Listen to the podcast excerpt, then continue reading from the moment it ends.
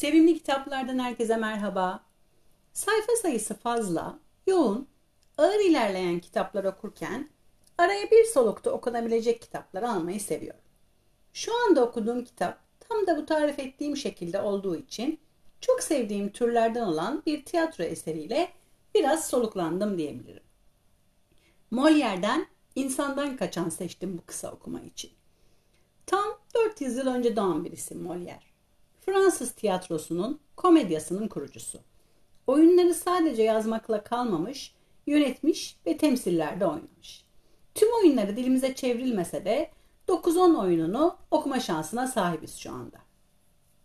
Çocuk yaşta annesini kaybetmiş, babasıyla büyümüş, Fransa'nın en iyi kolejinde okumuş ama 20'li yaşlarda her şeyden vazgeçip gezici bir tiyatro kumpanyası kurarak Fransa'yı baştan sona gezmiş.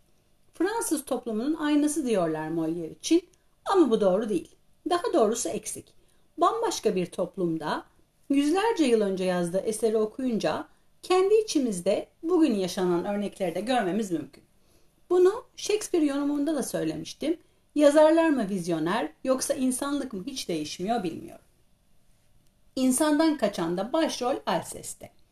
Alceste öyle biridir ki her yerde her zaman doğruyu söyler riyakarlıktan hoşlanmaz, şakşakçılıkla işini halledenlerden açıkça nefret ederim der. Fakat onun da bir zaafı vardır. Güzeller güzeli Selimen. Selimen genç ve güzel bir kadındır. Çevresindeki tüm erkeklere mavi boncuk dağıtır, hepsinin yüzüne güler.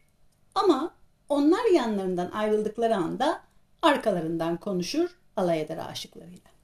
Hatta sadece erkekler değil, kadınlara karşı da böyledir. Alcest böyle insanlardan nefret etmesine rağmen Selim'in hatasından döndüğü anda onu affedip her şeyi unutacak kadar sevmektedir bu kadını. Hatta adına güçsüzlük diyerek örteceğim hepsini demektedir. Tek bir isteği vardır Selimen'den, onunla birlikte insanlardan kaçması, çöle gelmesi.